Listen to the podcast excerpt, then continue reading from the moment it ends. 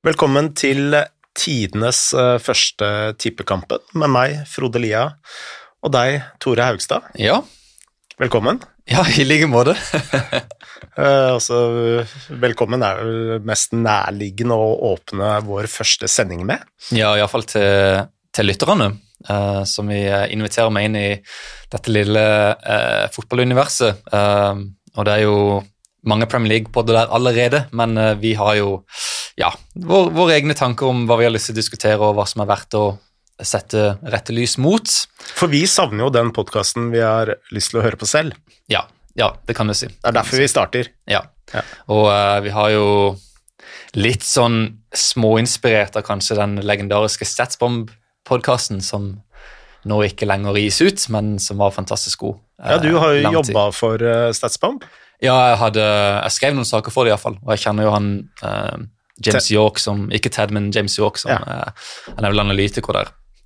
Og uh, de hadde jo en utrolig podkast som liksom gikk så i dybden på ting og brukte statistikker og formler og var liksom helt på grensen av hva de hadde lov til å røpe. Mm. Um, og kom liksom med ting var, ja, det er flere klubber i Premier League som ser på han, og masse sånn, og det var en utrolig innsikt, og det var liksom i, i gråsonen mellom selve fotballindustrien og, og det offentlige som liksom vi på utsida kan få se. Og um, nå kommer han jo ikke ut, og det er jo, jeg tror det er delvis fordi de har ikke lov til å røpe så mange ting, rett og slett. De har blitt for De jobber med for mange klubber, klubber og har for mye konfidensiell informasjon. Så, Men uh, den gikk veldig dypt og kom liksom helt andre perspektiver enn en det andre podder klarte å, å komme med. og uh, så vi kan jo la oss inspirere litt av den og, og prøve å belyse ting her som, som kanskje ikke andre har sett på.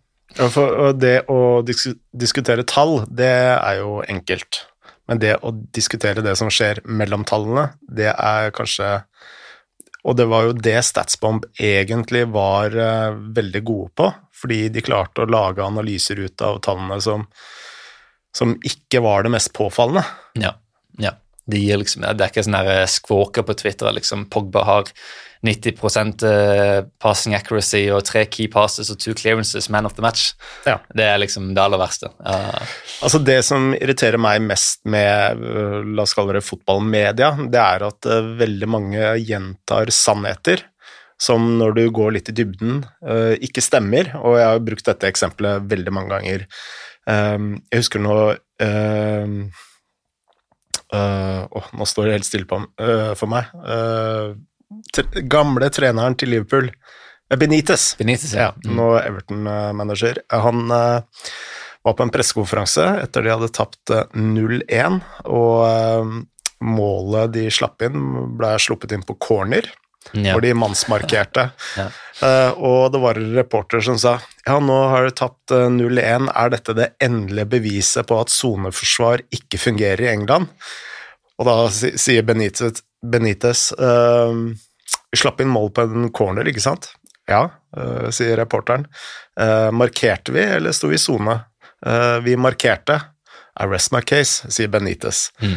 Uh, og det er uh, Selv i dag da, så er det veldig mange sånne fordummende sannheter som uh, jeg ofte hører gang på gang på gang, som jeg tenker rett og slett ikke stemmer. Og veldig ofte så kan du også se klubbene selv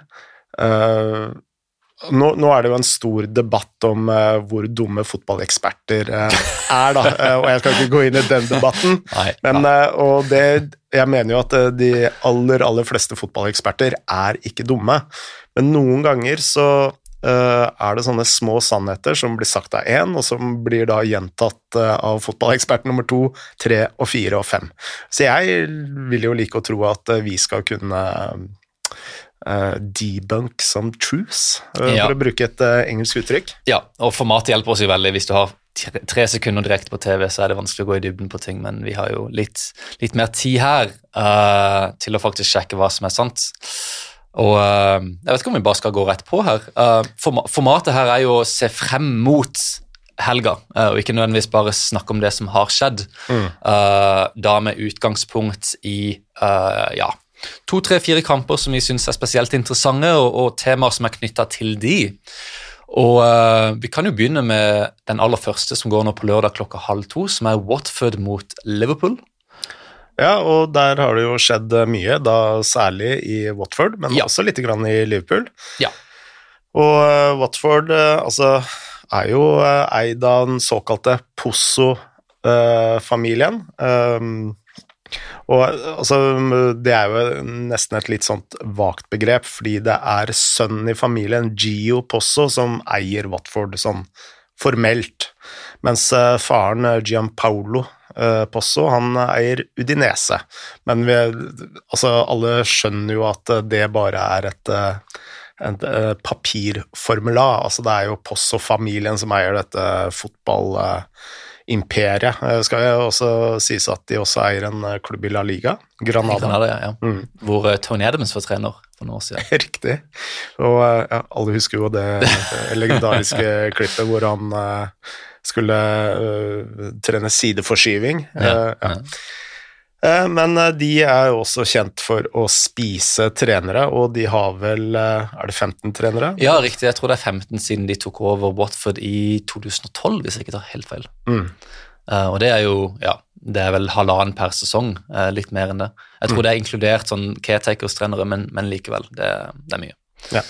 Jeg kan, kan jo bare nevne at Gianpolo altså han eh, italiensk forretningsmann som uh, slo seg opp ved å lage verktøy. Uh, Freud-verktøy, italienske verktøy, ja. som han solgte til Bosch i 2008, så nå er jo fotball, fotballen hans heltidsgeskjeft. Ja.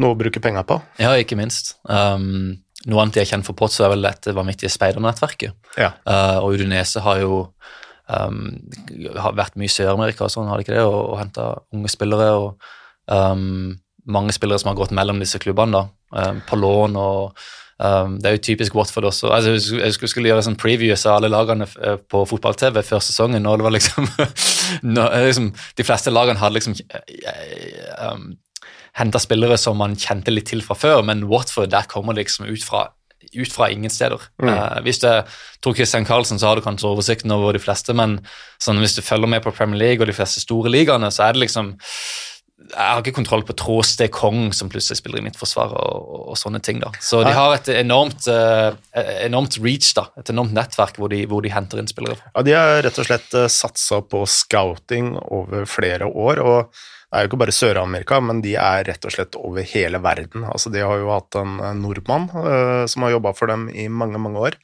Uh, Stig Torbjørnsen, som uh, også kjent som Afrikastig blant mange kjennere. Men etter det jeg kjenner til, så er det mest Skandinavia og Norden han har liksom rapportert inn for, for Posso-familien. Mm.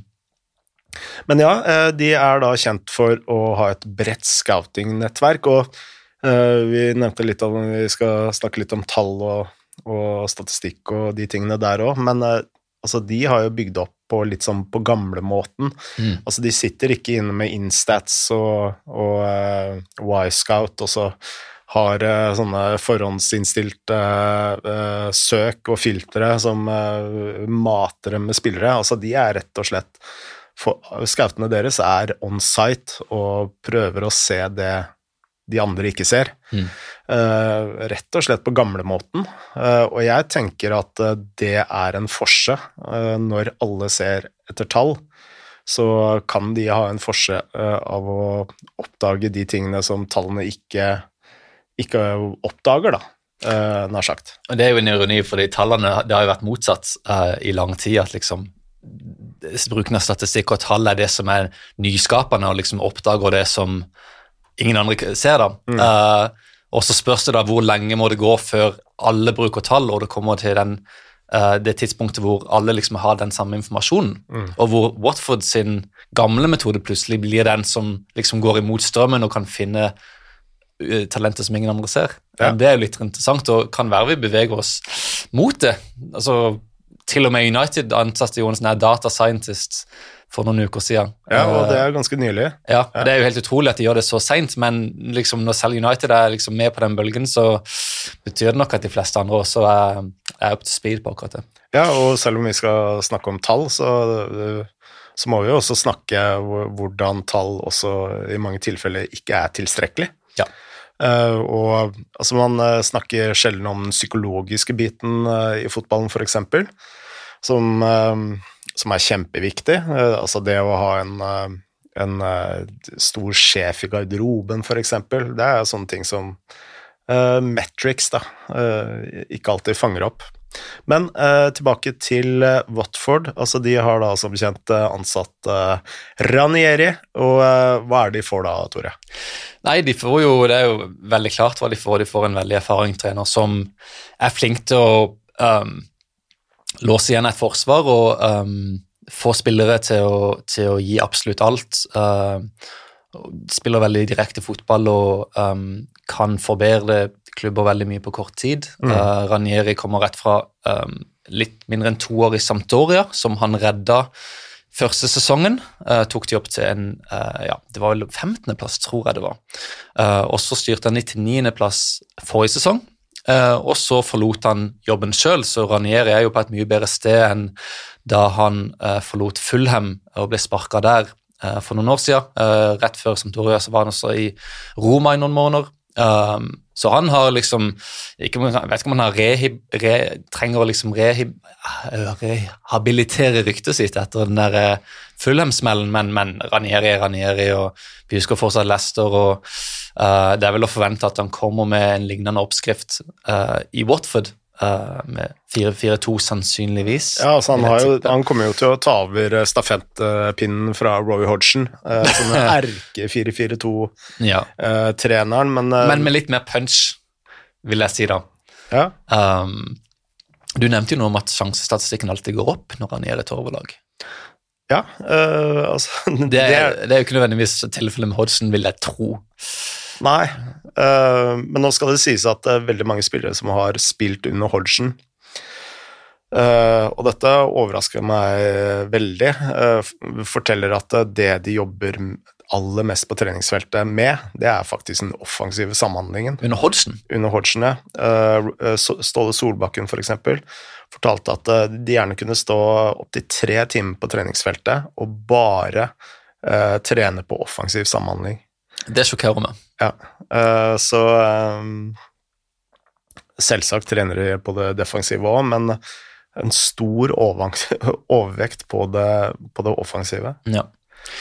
Uansett, uh, Ranieri um, skal vi se, han har jo um, Jeg så litt på tallene her. Samtoria var litt heldige som, som kom såpass høyt forrige sesong. Niendeplass. De hadde Uh, hvis du ser på forventede mål, så er det minus ti der, som er uh, svakt. Uh, men de fikk veldig mye ut av, av de sjansene de skapte. Um, og niendeplass er en niendeplass, det er veldig imponerende. Jeg tror det var uh, Sensara Prandelli som sa at Ranieri fortjente den såkalte gullbenken mm. i Serie A, som er kåringa for årets trener. Um, og Ranieri Jeg tror han hadde en kneoperasjon nylig, men han er jo fortsatt ung og frisk. Han har sagt litt som før han tar over nå at uh, han føler seg ung, at hjernen hans er veldig ung. Uh, han blir jo 70 år nå på onsdag, men uh, det er jo en fyr som sikkert kan trene til han er ja, 75, kanskje til og med 80, noe han nevnte sjøl. Mm. Jeg, jeg, nevnte det der med at sjansestatistikken alltid går opp med Ranieri, men ikke nødvendigvis antall mål, og det tror jeg henger sammen med at ofte så trener han jo Altså, det er jo Han eh, har vel uh, i hvert fall de siste 15-20 årene så han, har han jo ikke trent noe topplag uh, siden han uh, Og når han forlot Chelsea òg, så var det jo heller ikke Hadde jo en, altså ikke helt kommet i gang med den Abramovic-bølgen. Mm. Så det man ofte ser, da, det er jo at expected goals, for å bruke en annen statistikk, ofte går opp, men så har de gjerne ikke det der sluttproduktet på topp, da, som, som er helt avgjørende for å sette antall målsjanser. Og det spørsmålet da er Nå kommer han til Watford. Hva tenker du om Watfords offensive spillere? Eh, klarer å si at han eh, klarer å få til noe av det samme her med Watford. Klarer de å omsette den eh, økte antall sjanser i mål? Ja, jeg tror det er gode sjanser for det. Sarr er jo en, en kjempespiller som, som, bør kunne skåre en del mål fra høyre. Og så har King vært veldig god i, i starten. Mm. Nå er han jo skada, dessverre, og det er veldig synd for Aneri, men um, han har vært god de siste kampene. Dennis har vel skåret to-tre mål også. Um, så det er liksom ikke Jamie Vardy, uh, kvalitet og Mare som man hadde i Leicester, men uh, jeg tror det er nok der til at, til at, Leicester, nei, til at Watford kan få et løft. Og så ikke minst er det fysiske spillere. Det er mm. liksom typer som kan gå i bakrom, uh, du kan slå langt på dem, og så kan de skape ting sjøl. Det er liksom ikke sånne små tekniske spillere som du må bygge lang angrep langsomt rundt. da. Um, og Det tror jeg passer ham bra, og jeg er sikker på at både Potts-familien og Ranieri selv har um, analysert den troppen og, og, tenkt at dette kan bli en god match. da. Mm. Um, og så har du um, også sentralt på midtbanen, hvis du liksom tar det her 4-2-templatet, da, så kan du ha Kukka og Etobo sentralt. Mm. Uh, Sar på høyre, King og Dennis på topp, kanskje Sema på venstre, uh, og så har du en sånn klassisk Ranieri-struktur der som ja, kan levere, kan levere gode resultater um, på Hva skjer med Cleverly, tror du? Er det, slags, er det, mulig å si at den er en slags Danny Drinkwater-type? Cleverly.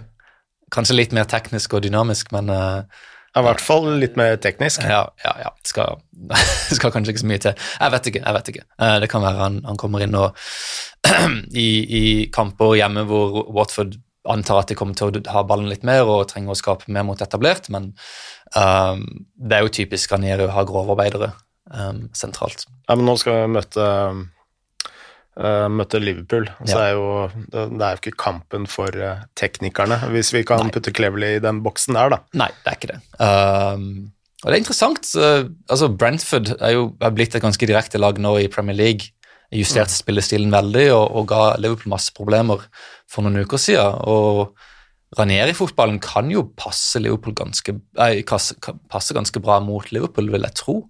Uh, de spiller såpass direkte at Liverpool liksom ikke får satt inn det høye presset og vunnet ballen så mye i farlige områder. Uh, de er veldig direkte, uh, kan komme seg inn bak, spesielt Robertson med, med Sara langs høyre.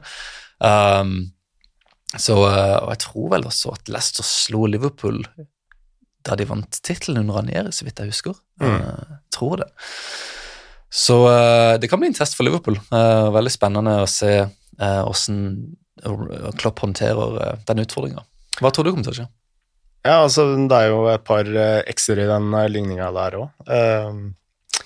og det har jo med landslagspausen å gjøre.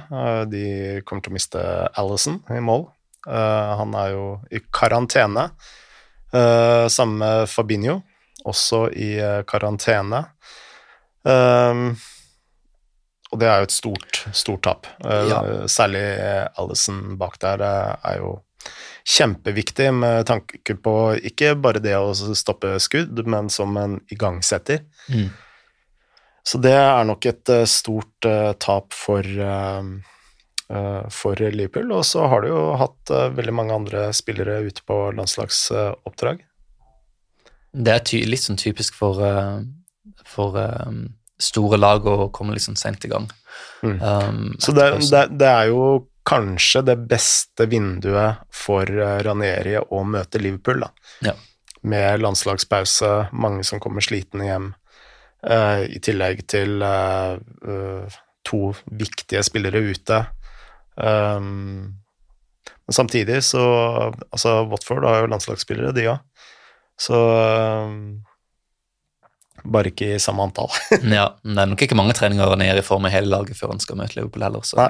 Det kan bli en kanskje litt sånn oppstykka kamp. Uh, mye rart. Og, Men uh, hvis man, vi snakker litt om uh, Ranieres exit da, i Leicester, så det han gjorde i sesongen etter at de vant uh, ligatittelen, var jo at eh, Leicester også ble et mye mer omstendelig lag. Eh, de slutta på mange måter å spille Ranieri fotball. Um, så nå tipper jeg at han har, går til en mye enklere form for fotball, som vi har sett i Sampdoria, og som man så kanskje i starten av Leicester. Og det er jo en fotball som jeg tror alle spillere i som kommer til å starte den kampen, kjenner seg godt igjen i. Da. Og at det uh, er kanskje ikke den type fotballen du trenger så mye drilling. All, mm. Alle har jo spilt på et sånn type lag opp igjennom uh, og kjenner de uh, hovedprinsippene. Uh, det, hadde jo, altså det er verre for Jørgen Klopp å ta over et uh, lag. Og bare for å trekke inn en annen trener, da, Tukkel, og hvilken enorm prestasjon han har gjort med Chelsea, som har klart å innarbeide en ganske avansert eh, pressfotball. ikke A4 forsvarsspill, ikke A4 angrepsspill, men fått det implementert i Chelsea så kjapt, det er jo bare Altså, det er et sidespor, men eh, det er jo verdt å nevne. Ja, men ikke kanskje et sidespor likevel, fordi det tar oss egentlig fint over til eh, kamp nummer to vi skal diskutere, som er Leicester mot United. Med mindre du har noe mer å si om Watford? Nei, eh, jeg tror at Watford plutselig kan ta poeng her. Ja, ja. Jeg vil bare legge til helt på slutten. så på statistikken for Sampdoria forrige sesong. de kom på niendeplass. De hadde fjerd minst ballinnehav og tredje lavest pasnings treffsikkerhet. Og det er jo nesten akkurat som Leicester ja. da de vant tittelen, så Ranieri på sitt beste. Og ja, vi kan forvente noe lignende fra Watford de neste ukene. Uansett, Leicester mot United klokka fire. Uh, og grunnen til at jeg, synes, at jeg sier at Tuchel er en overgang, er at uh, altså når vi skal ta hele denne Solskjær-greia med hva som skjer der, så vil jeg si, eller jeg føler det, at United er der Chelsea var i fjor, under Lampard. Mm. Jeg ser veldig mange paralleller der. Du har um, to lag som har veldig mange gode spillere og et vanvittig potensial, spesielt offensivt. Og så har du en trener, da, Solskjær, som Lampard, som er en klubbhelt som tar over uh, jobben til tross for manglende erfaring på relevant nivå. Uh, som har gjort en god jobb med å bygge opp stallen og legge en plattform for suksess med unge spillere og god harmoni og bra man-management osv., men som ikke har helt den taktiske forståelsen og kvaliteten til å få det meste ut av dem på banen, um, og som liksom vakler mot en, en skuffende fjerdeplass. da. Um, og jeg, liksom, jeg, jeg, føler det er mange paralleller der, og, og som vi vet så bytta Chelsea-trener halvveis i sesongen.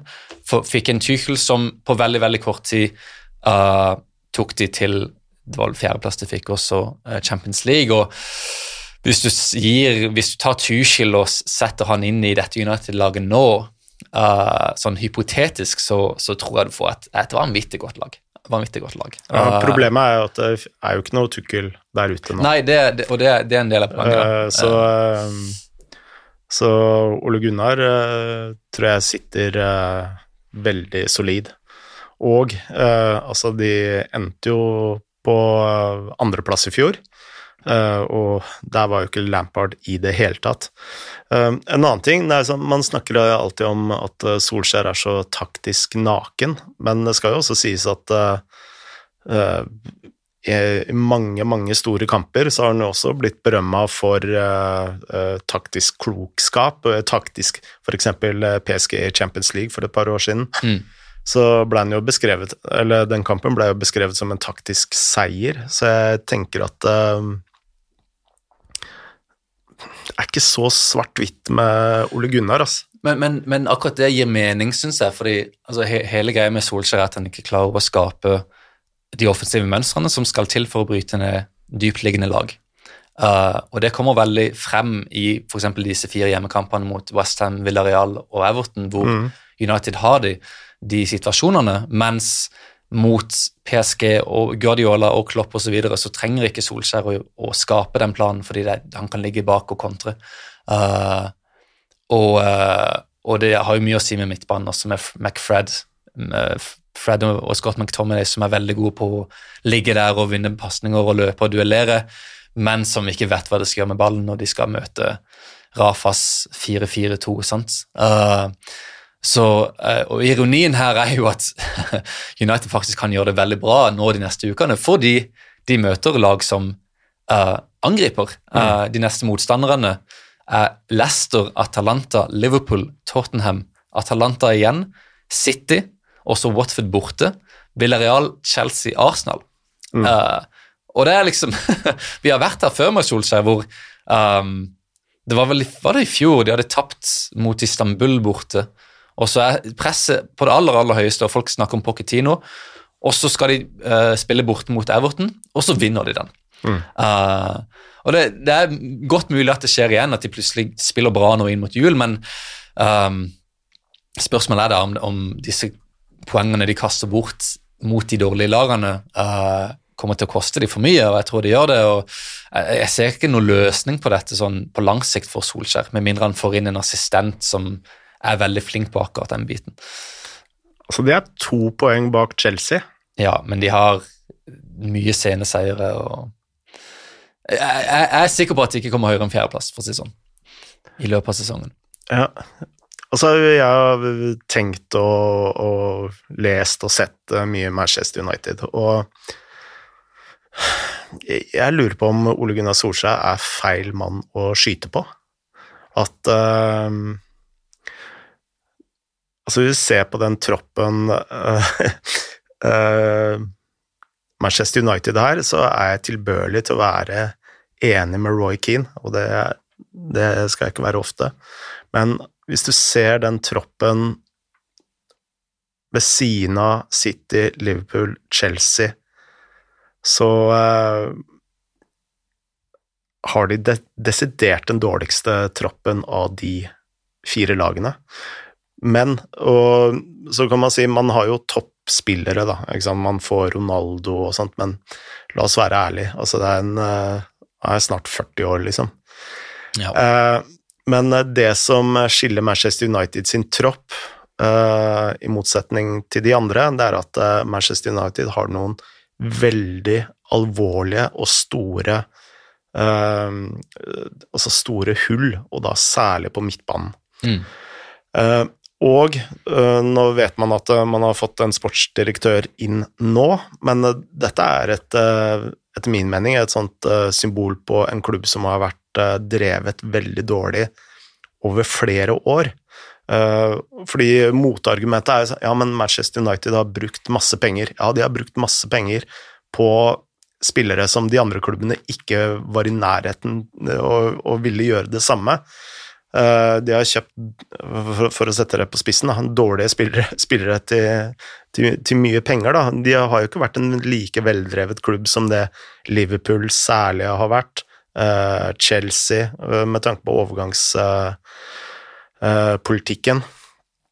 Og der henger Manchester United etter. Kan tenke deg at Fred skal være det defensive alibiet på den midtbanen. Hva gjør Fred sånn helt ærlig? Hva gjør Fred i en toppklubb i Premier League? Han er, nei, nei, han skal ikke være der. Han er, er, jo ikke i nærheten. Uh, og det er så et så stort hull. Altså, han koster dem ofte poeng. Uh, senest nå i, i uh, sist kamp mot, uh, mot Everton. det er han som taper den duellen, som ender opp i 1-1. Så jeg tenker at det Og jeg, jeg, sier ikke det at Ole Gunnar Solskjær er en av verdens beste managere, jeg, jeg bare tror at det er ikke på han det, suksessen til Manchester United stopper og hviler, da. Uh, det er en klubb som ikke er samkjørt, eller har vært samkjørt over lengre tid, men som har gjort noen endringer nå som man kanskje kan bære fruktene av. Men samtidig, da, jeg ser jo at Manchester United overbeviser jo ikke på banen. Det gjør det jo ikke. No. Men, men de ligger tross alt to poeng bak serieleder Chelsea. Ja, men ja, jeg vil, jeg vil si de resultatene er litt flatterende med hensyn til selve spillet. Men må ikke Solskjær ta litt ansvar for at han ikke har kjøpt inn en, en sentral midtbane når de trenger det? Jo, men hva skal de kjøpe? Det er ikke bare å Altså, dette det å drive en klubb, da. Det er ikke FM. Det er ikke bare å, hente de beste spillerne som kan forsterke Manchester United uh, og med tanke på at man skal også holde seg inne, innenfor et uh, finansielt uh, regelverk. Det han kan ta ansvar for, det er jo i starten med Cristiano Ronaldo på benken, f.eks. Det er jo et legitimt spørsmål. Og særlig når man skal da gå inn i en landslagspause hvor Cristiano Ronaldo ikke skal spille. hvor lurt var det? Men når du leser rapportene fra innsiden av eh, Manchester United, da, så tenker jeg at han også gir, gjør veldig mye riktig. Da. Altså han henter inn eh, god ekspertise, treningene Altså, han er veldig populær innad i troppen. Uh, de skal visstnok ha gode, veldig gode treninger. Um, så det er jo mye som også er, er riktig, da. Um, så det er liksom Jeg føler at han får altfor mye pepper i engelsk presse, og han har fått det over uh, lang, lang tid. Uh, og det har blitt en sånn sannhet som alle, alle bare henger seg på, da. Mm. Uh, mens uh, når man ser litt på bakenforliggende årsaker, da, så Altså, han, av topplagene så er det vel bare Liverpool som har like gjerrige eiere, uh, med tanke på å bruke penger nå, fordi de sier at vi har brukt så mye på Sanchez og og sånt, og, så det har holdt igjen. Grunnen til at de har sluppet opp nå, det er jo av Superleague-fadesen. Det er i hvert fall uh, min take on it. Ja, Ronaldo var et lite plaster på såret der. Ja. Um, jeg, jeg, tror, jeg tror Solskjær kan Hvis han hadde blitt sparka nå, så kan du si at Solskjær hadde gjort en god jobb. Mm. Det, det, det, er godt mulig å si, absolutt. Um, og Nei, selvfølgelig, jeg, jeg, selvfølgelig, selvfølgelig, er det mer sammensatt også, absolutt. Det er, vi snakker liksom om den dataguruen som United har henta nylig, og dette er jo mm. ting som Liverpool og City har gjort i lang, lang, lang lang tid. Mm. Uh, Vi vet jo at hele klubben er gjennomsyra av finansfolk og, og PR-folk og, og um, tidligere bankmenn som, som, ser på det kommersielle og som er flinke på markedsføring og liksom klemmer så mye penger ut av klubben som mulig, uten at de nødvendigvis har de sportslige, den sportslige kompetansen for å uh, hjelpe Solskjær. Mm. Uh, det, og det er helt sant. Um, nå, blir det, nå, blir det, interessant å se uh, hva som skjer i slutten av året. Ed Woodward, som har vært de facto sjefen Old Trafford siden 2013, skal gi seg. Og Det betyr at United i praksis får en ny daglig leder, mm. som blir bindeleddet mellom Glazer-familien og det sportslige apparatet. Og så er spørsmålet da, hvem henter det inn der? Woodford har jo vært veldig dårlig sånn, på det sportslige mm. uh, og veldig flink på det finansielle. Uh, kommer United da til å få frem en av sine mer lojale direktører internt, som f.eks. Richard Arnold, som er sjef for det kommersielle nå, eller henter de en helt ny type som van der Sar eller en av disse legendene, eller en Ragnhild eller en helt annen type som kan innføre en, en helt ny struktur. Um, det blir interessant, og det, den ansettelsen kan jo påvirke United enormt. Uh, min mistanke er jo at de bare får fremover Richard Arnold, eller at de fortsetter som før. Fordi mm. Butikken går så bra, uh, og det er det Glazer-familien bryr seg mest om. Uh, men hvis du får inn en helt annen type utenfra som ikke har noe med det nåværende regimet å gjøre, så kan jo det eventuelt påvirke strategien og rekrutteringa, også Solskjær. For Solskjær er jo i stor grad Woodward sin, sin mann. Ja, men nå har jo vel John Murdoch fått carte blanche til å liksom styre det sportslige? Ja, hvor mye, tro, hvor mye, makt tror du han har? Nei, det er vanskelig å si. Jeg, jeg, jeg vet jo ikke, men jeg, jeg, føler liksom Han kom inn fra Hvor var det han var før? Var det, han var en førstelagstrener, eller var han i akademiet? Var han inter, intern Ja, han kom trener, internt, ja. ja uh, jeg, har sånn følelsen av at det er liksom noe de gjør for å bare fylle den rollen. Uh, men ja, jeg har liksom ikke inntrykk av at Woodward er villig til å gi opp uh, helt uh, den, altså, den, makta han har hatt på det sportslige mm. enn så lenge. du har jo også Darren Fletcher inn i den miksen der, da. Ja. men ja.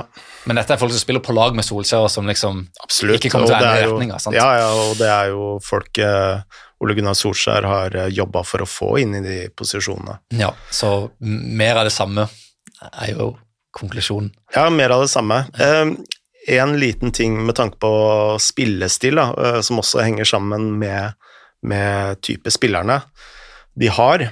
Og man anklager ofte Manchester United for å ikke ha, ha en plan. Og Altså, Ole Gunnar har jo brukt Alex Fergusons litt sånn blueprint, da, og jeg husker jeg snakka lenge med Henning Berg om akkurat det. Og han fortalte at uh, når han spilte i Blackburn, så var uh, altså, særlig det offensive spillet var veldig nøye planlagt. Det var litt sånn på Rosenborg under Nils Arne Eggen-nivå. Altså, du Veldig sånn satte veldig stor vekt på samhandling, da. Men uh, når de kom til Manchester United, så var det mer sånn uh, masse sånne buzzwords, da. Express yourself, alle mann i angrep, osv. Altså du Kreativiteten da skulle da komme fra spillernes egen kreativitet, og ikke nødvendigvis fra en satt, satt plan. Og mye av det samme ser du også i Manchester United, at det er spillerne selv som skal eh, løse mye av det offensive. Men der ser du hvor, eh, midt, hvor ofte midtbane, særlig midtbanespillerne til Manchester United kommer til kort. Hvis du skal spille deg gjennom midtbanen, f.eks., så er du avhengig av, av, midtbanespillere som kan kunne sidestille seg, f.eks. Enkel ting. Jeg har aldri sett Fred vært sidestilt. Han står alltid feilvendt. Ja. Og står du feilvendt, så mister du ballen ofte veldig ofte så er det Fred som mister ballen i midtbanen. Det er den spilleren som mister ballen desidert flest ganger. Uh, det er en uh, subjektiv analyse. Nei, nei, jeg, har ikke, jeg har ikke tall på det, nei, men jeg han, antar er, at det stemmer. Det, det, er veldig sjeldent å se en, en midtbanespiller på et sånt lag i Premier League som, som har så dårlig teknisk utførelse på, på den gjør. Ja, og, og da blir Og her er min kritikk av Ole Gunnar Solskjær, da. Det er at hvis du har begrensa spillere, så må du kanskje ha enda mer struktur uh, i det oppbyggende spillet, da. Uh, og det Altså, vi, det er jo ingen i pressen som veit om det faktisk er tilfellet, om det er en planlagt struktur, hva de gjør på treningsfeltet osv. For alt jeg veit, så kan det hende at eh, de trener på dette fra morgen til kveld hele uka. Det bare Uansett, det syntes ikke på banen, da. Um, og da ender du opp med to løsninger, da. Enten må du kjøpe bedre spillere, eller så må du rett og slett uh, få mer struktur. Ja. Du kan si Solskjær er mer avhengig av gode spillere enn eksempel altså hvis, hvis, du tar det helt andre enden, da, så har du Antonio Conte, som mm. er ekstremt fast, har et ekstremt stramt uh, og, og, og, planlagt å drille inn mønster offensivt, mm. og som, nesten, som gjerne sparker ut eh, talentfulle spillere, man, så lenge han har spillere som følger det systemet. Mm. Og Prakteksempelet var jo EM i 2016 med, med Italia, hvor troppen var en, en skrekkfilm, egentlig, sånn navn for navn, men alle gjør sin jobb. Uh, og system, det er liksom systemet som vinner kamper, og alle gjør som altså, Da, da vil f.eks. Fred vite i, i, forkant akkurat hvor han skal sende ballen. akkurat hva han skal gjøre. Uh, og så kan du si ok, uh, det fungerer greit, det, men, men, selvfølgelig er jo ikke Solskjær Conte. men det er vel det folk vil, vil ha, da, at de vil ha i fall litt mer, litt mer struktur, en litt mer tydeligere plan, sånn at um, selv spillere som, som McTominay og Fred vet hva de skal gjøre med ballen. Uh, og akkurat nå så ser, Jeg syns du ser det veldig klart på banen at spillerne vet ikke hvor de skal sende ballen uh, før de får den. Det er liksom, de, de, har den, de må se opp, de må vurdere situasjonen hver gang i stedet for mm. å kunne liksom sende den videre på autopilot. Um, og det er jo Guardiola for eksempel, og, og til en viss grad Klopp også har jo drilla inn mye, mye mer strukturerte systemer akkurat der. Så kan du si ja, ok, Solskjær det vil fungere så lenge han får inn to kjempegode sentrale midtbanespillere. Mm. Uh, men så får vi se da, om han, om han blir i jobben så lenge at, at, de får inn de spillerne, og ikke minst om de treffer på spillerne når de først kjøper dem. Mm. Men det er noen viktige nyanser her. da. Pep Guardiola han uh, driller veldig sånn maskinelt hva som skjer fra forsvarsleddet og opp til siste en tredel. Når du kommer på siste en tredel, så er jo alt fritt. Uh, han trener jo mye i sånne situasjoner hvor man f.eks. favorittøvelsen hans uh, er jo seks mot syv. Eller syv mot seks, da. Syv angrepsspillere mot seks forsvarsspillere. Det er sånn som nærmest står på 16-meteren. Og da er det ikke noe sånn nødvendigvis drilling. Da er han også inne på denne bagen til Alex Ferguson og Manchester United, hvor alt skal være fritt, og alt skal liksom eh, komme fra spillernes egen kreativitet og løp. Problemet med Manchester United det er at de, det er jo særlig siste tre del, eh, nei, den første en tredelen hvor de ofte mister ballen, som eh, Mens det er den siste en tredelen som, som ofte ser mest klønete ut. Men når vi snakker om tall, så scorer jo Manchester United bra med mål. Så selv om det ser jævla klønete ut, så er jo ikke der egentlig fot... Eller eh, sånn resultatmessig, iallfall. Uh, skoen trykker mest for Manchester United. Det er jo det som skjer fra forsvarsleddet og gjennom midtbanen. Altså du tenker på at de mister ballen i farlige posisjoner? De mister ballen ofte i farlige posisjoner. Ja. Um, hva er de siste resultatene til United nå? Det er jo 1-1 mot Everton. 1-1 ja, Du kan jo si det. Um, altså de det, det, liksom, det, er bare Ja, det, det, er kanskje en sammensatt greie, da, for det er jo det føles liksom, De har ikke kontroll, da. De har ikke kontroll. Altså, de Uh, altså de skaper 13 målsjanser mot Everton, uh, skudd på mål mot tolv sjanser imot og to mål Eller to skudd på mål. og det Et veldig ofte resultat er jo 2-1, men Så de burde jo ha, ha vunnet den kampen, men nå snakker vi om statistikker, og Eh, de som så kampen, så jo at sjansene til Everton var jo vel så store som sjansene til Manchester United. Ja, det er helt 50-50. Og det er liksom um, Husker Benitez sa alltid at det, han ville ha en lukka kamp, da. En kamp hvor liksom Liverpool hadde full kontroll. Mm. Uh, og um, jeg syns det, går, jeg synes det går igjen på struktur, da. Uh, og, og, både offensivt og defensivt er det jo sammensatt. og Guardiola er jo veldig kjent for liksom, sant, de skal angripe uh, et spesielt, med et spesielt mønster hvor det er så så mange dis, lang, mye distanse mellom hver spiller, sånn at når de mister ballen, mm. så er alle i posisjon og i balanse til å kunne vinne den igjen kjapt. Uh, og jeg mis, et, et, et, Hvis Solskjær har en lignende plan en lignende struktur og disiplin på spillerne, så, så er det virkelig ikke lett å se det. og um, ja, det, er liksom, det, det, virker veldig veldig kaotisk. Jeg syns det minner om Real Madrid under Zidane. Jeg uh, syns det lenge. At det liksom det er veldig, veldig, opp til spillerne, de får friheten til å liksom, ta ting i egne hender og skape ting sjøl, uten å ha nødvendigvis en sånn stor plan som de må følge. Uh, men det er også en mangel på struktur som gjør at kampene blir veldig veldig åpne. Mm. Um, og det gikk greit for Zidane fordi han hadde så veldig vanvittig gode spillere, spesielt offensivt, at Real Madrid vant 4-2.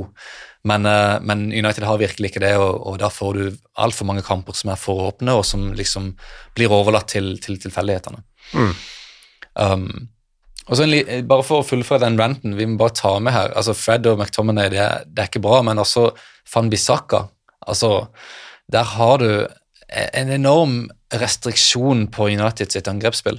Mm. Uh, og det er for vondt i kroppen når jeg liksom ser uh, Van Bissaka som den fremste breddeholderen på høyre side som får ballen bredt ja. mot et dypt forsvar og skal, skal legge inn, eller um, eller prøve å gå til linja. Uh, de, får så lite ut av det. Uh, og hvis du ser på hva f.eks. Liverpool gjør med Trent Alexander Arnold, som er den beste, mest, største sjanseskaperen på laget, så er det en enorm kontrast. Uh, og det, det, har så mye å si når du møter lag som f.eks. Everton og, og Villa hjemme. Så Men, det er Jeg vil bare sluttføre det jeg sier med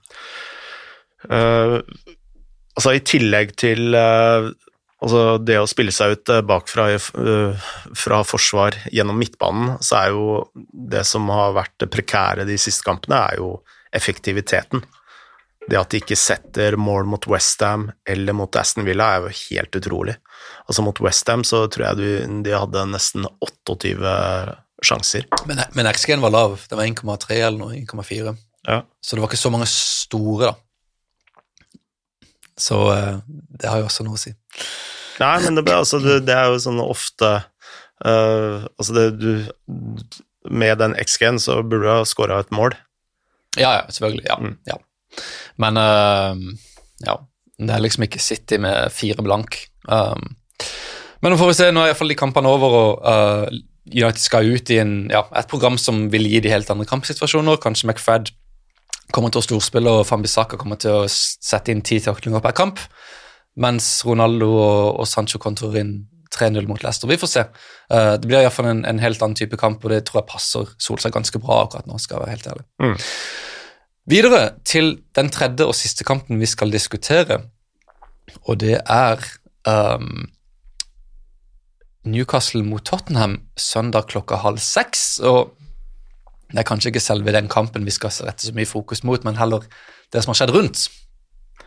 Nei, det er bare ett ord om eh, Tottenham uh, uh, først. Altså, vi snakker om disse søramerikanske spillerne som uh, ikke får spille i helgens runde, og Tottenham er vel det laget som kommer til å slite mest med det. De har vel fire spillere ute i karantene.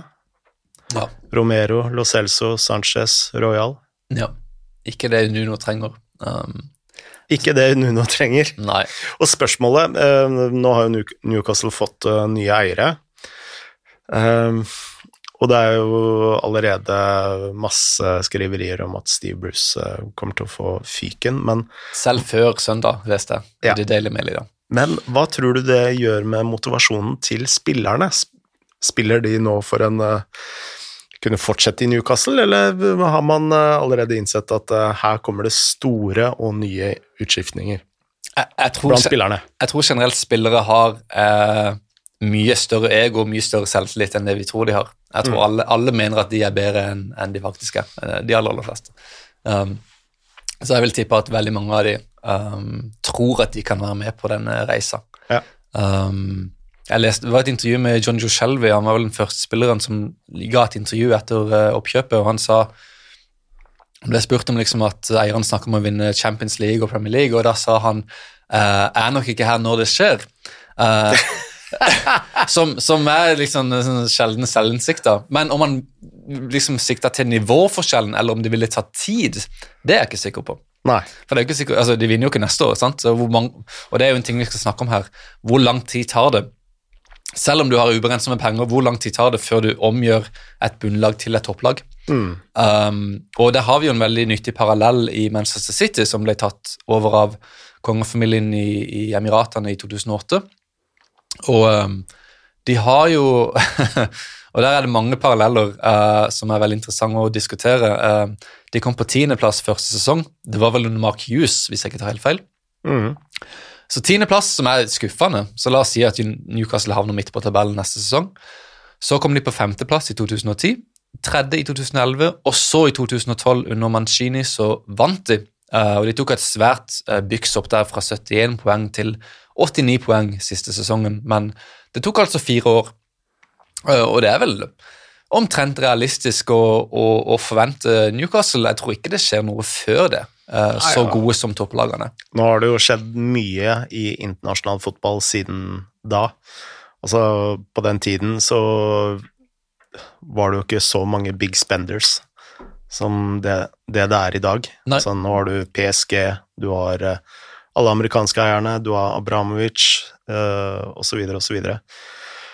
Uh, så du har i hvert fall to gigantiske uh, eiere som skal slåss om akkurat de samme spillerne.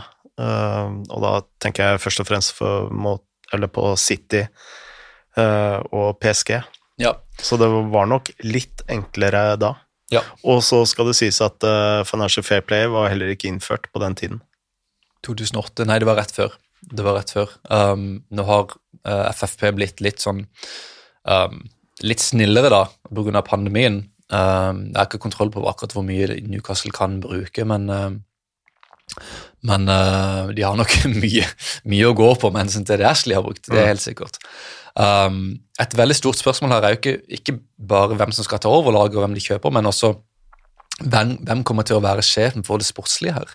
Mm. Uh, dette er jo folk fra uh, i praksis Saudi-Arabias stat, uh, Saudi stat pluss Amanda Stavely og disse Ruben Brothers og disse britiske eh, finansfolkene, men det er jo ingen av de som har noe sportslig kompetanse. Og um, vi husker jo City da de tok over, altså når kongefamilien tok over klubben i 2018.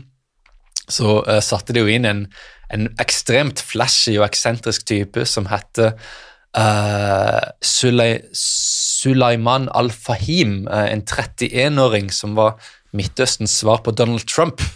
Og vi har jo snakka om dette i fotballfortellinger, hvordan han dukka opp med en, en, Lamborghini og sa at City skulle kjøpe Thierry Henry og Cristiano Ronaldo. Uh, og liksom sa at vi skal vinne alt, vi skal bruke masse penger. og um, på Citys hjemmekamp så var det jo fans som vifta med pengesedler hvor uh, Al-Faim var på selve pengeseddelen. Ja. Uh, og folk trodde jo nesten at han hadde tatt over klubben fordi han var så synlig. Og så innså liksom kongefamilien at han her har bare prat, og han er helt gal, og vi må, vi må få han ut. Uh, og så får de da inn uh, Al-Mubarak, som er en av de mest uh, drevne og slepne operatørene egentlig i, i, fotball akkurat nå. Han har vært styreformann der siden det, og, og, han er jo også rådgiver til kongefamilien og driver oljefondet til, til Emiratene og har vært utrolig lur med, med tanke på hvordan han har fått inn uh, Begiristan og Soriano for å liksom få Guardiolas venner på plass, og så får han tak i Guardiola seinere. Uh, han har bygga dette på en ekstremt uh, lur måte. Det, det, han har vært flink til, det er å identifisere uh, hvem er det som har, feil, nei, peiling på fotballindustrien og fotball. og jeg vil jo se det å få en Ferran Soriano inn først, og dernest Begeristan, det var vel helt avgjørende. Um, fordi man klarer ikke å komme i den posisjonen som Eh, City har opparbeidet seg i Premier League uten know-how. Mm. Uh, og det er kanskje det mest imponerende med City. Det er jo ikke bare pengene som er imponerende, men det er jo den kompetansen de har hatt, og det har jo gjennomsyra City fra topp til tå. Ja, absolutt. Og vi kan jo spole tilbake her, altså. Um, på det tidspunktet så hadde jo uh, Soriano forlatt Barca, uh, mm. og sikkert tror jeg også hadde forlatt Barca. Og dette er jo folkene som, som bygde opp Barca egentlig fra, fra avgrunnens rand uh, under Juan Laporta fra 2003 til 2008. og jeg leste nylig uh, boka til Ferran Soriano, uh, mm. hvor han liksom snakker om hvordan han altså Barca var jo nesten konk, og de hadde jo håpløse spillere, og det var liksom helt knekt. og så så de liksom De kunne se liksom at Real Madrid tok av med Florentino Perez og Galacticos. Manchester United var jo en enorm pengemaskin. Uh, så de, gjorde, de, bare kopierte alt det United gjorde, som kommersielt. Mm. Uh, de inngikk mye større sponsoravtaler. De gjorde Barcelona om til et museum for å få inn uh, inntekter der. de gjorde veldig veldig, veldig mye lurt, og de, de ble Altså, Barca tok igjen United og Real Madrid rent finansielt under Soriano, og det var han som var sjef for det finansielle. da. Mm. Uh, før selvfølgelig det, dette er Barca, så det var jo masse borgerkrig og intern krigføring som gjorde at Sorian måtte ut. Mm. Uh, og Så tok han over uh, Spanair, som var fly, et flyselskap. Og så fikk klarte Mubarak å overtale han til å ta over City da i 2012, og etter det så kom Chicky, og så siden Chicky var bestevenn med Guardiola, de spilte sammen på drømmelaget til Cruyff, så, mm. så kom Barcelona dit. og nå er jo Soriano i gang med å bygge dette nettverket med sant? Ti forskjellige fotballklubber verden rundt, og de skal ta over verden. Ronny Deila i spissen. Ja, med Ronny Deila, og, og, det er jo noe vi har gått gjennom også før i, i fotballfortellinger. Um, men der ser du da viktigheten av å få inn ja, som du sier, den beste sportslige kompetansen egentlig på styrenivå, mm. eller direktørnivå. da. Uh, og så er spørsmålet er, har Newcastle nå smarte nok folk til å finne de typene. Uh, og hvis de ikke har det, Uh, så kan dette gå veldig veldig galt, og du kan få inn uh, ja, jeg vet ikke, Gareth Bale på en femårskontrakt eller noen sånne ting. Da, og Da har det egentlig ikke så mye å si hvor rike de er. Det vi Rapportene fra, fra Midtøsten sier, da, det er jo at eh, Mohammed bin Salman er jo en helt annen person enn sjeik Mansour. Men Saudi-Arabia har jo egentlig de Eller Emiratene som eh, litt sitt forbilde, da, på måten de har nærma seg eh, Vesten på.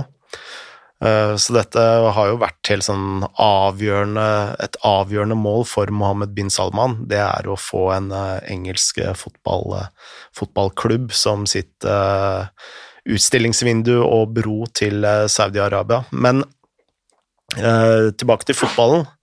Eh, vi skal ikke snakke så mye om eh, menneskerettigheter og de mørke tingene med Saudi-eierskapet her, men eh, at Mohammed bin Salman er en helt annen type enn det sjeik Mansour er.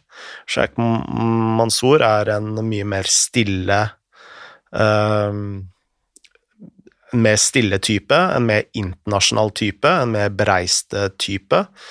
Uh, lettere å samarbeide med.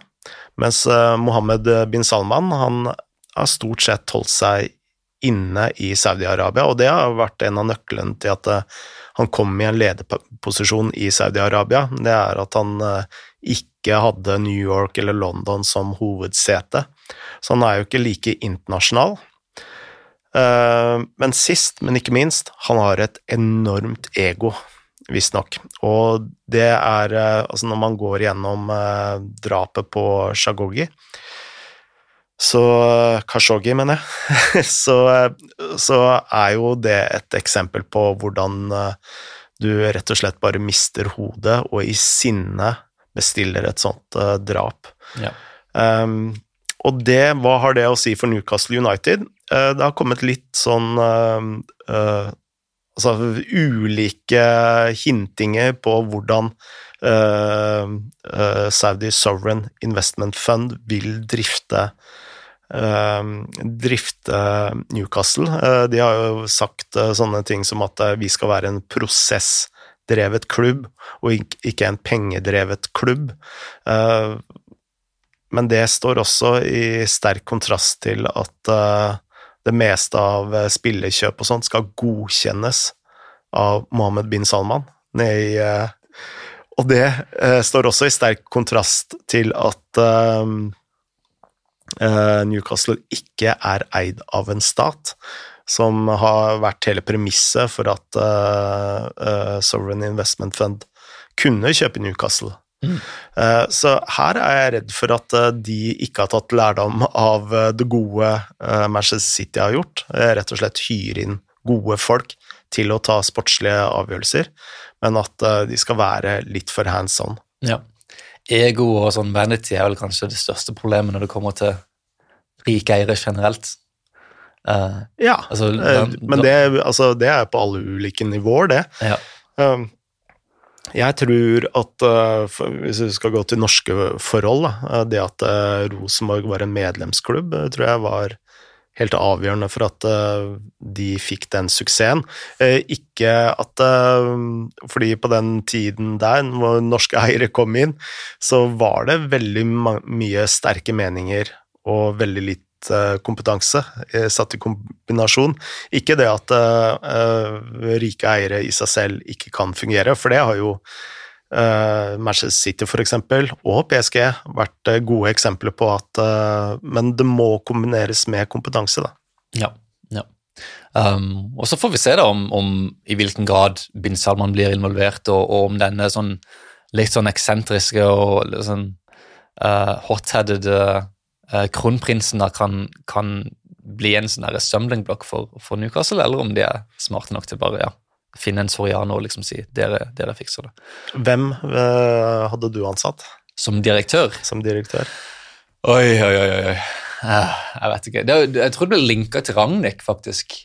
Nå, ja, såpass? Um, og da importerer du jo nærmest en, en Altså, der har du en sånn faststemt struktur allerede med liksom Leipzig-modellen og uh, veldig høyt press og liksom den tyske skolen der med, med intensiv uh, angrepsfotball. og um, Det hadde vært veldig veldig spennende, men mm. da må du gi ham kontrollen.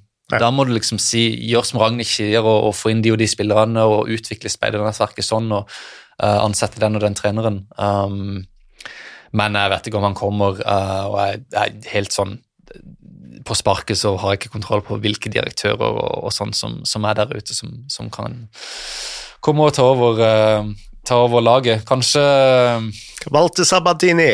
Sabatini. Få tak i Hva er de smarteste klubbene rundt forbi nå? Det er vel Dortmund, Leipzig kanskje. Uh, Brentford er smarte.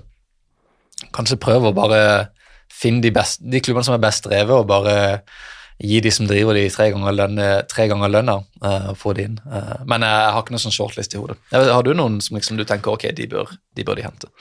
Jeg, Ralf Ragnhild er ikke et dumt uh, forslag, men jeg er redd at man uh, Monshi er et sånn typisk navn jeg tenker fort kan ende opp der. Ja.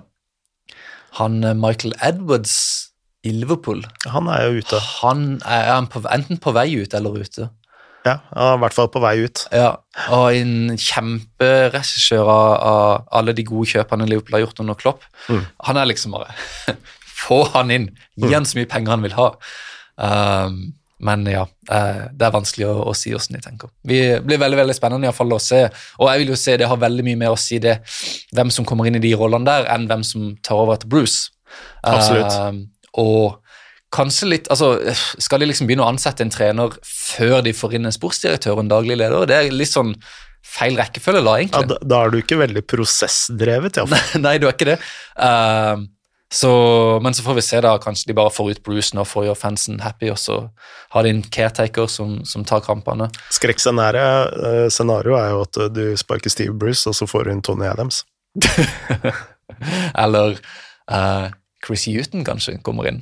Eh, vender tilbake til Newcastle. Han var der jo lenge. Det er ikke så dumt. Nei da, nei da, det er ikke det. Steady hand. Men uh, vi får se. Det blir iallfall veldig spennende å følge med. Um, er det noe vi skal si om disse tre kampene, eller er det bare å glede seg til helga? Nei, jeg føler vi har et lite veddemål på Manchester United nå, så eh, Hvor, hvor, du, hvor tror du de kommer?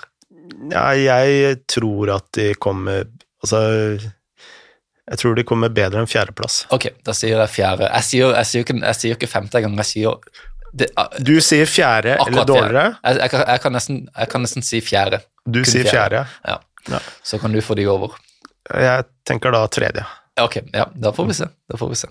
Um, uansett, vi får takke for oss. Ja, veldig hyggelig. Veldig, veldig hyggelig, og um, vi får egentlig bare si eh, at vi lyttes igjen neste torsdag. Planen er å komme ut eh, hver torsdag ettermiddag eh, for å se frem til neste kampene. Kanskje litt sånn spesialer og sånn også, hvis det skjer noe, Absolutt. noe helt eh, ekstraordinært. Ja. Mm. Hvis Guardiola går til Newcastle, så, så kjører vi en kjapp episode, eller en, en, en, kommer ut kjapt med en episode på det. Og så om det blir noen intervjuer eller noe sånt, det får vi bare se litt videre på. Vi, vi tar det som det kommer. Bra. Yes. Ha en god helg. Adios. Moderne media.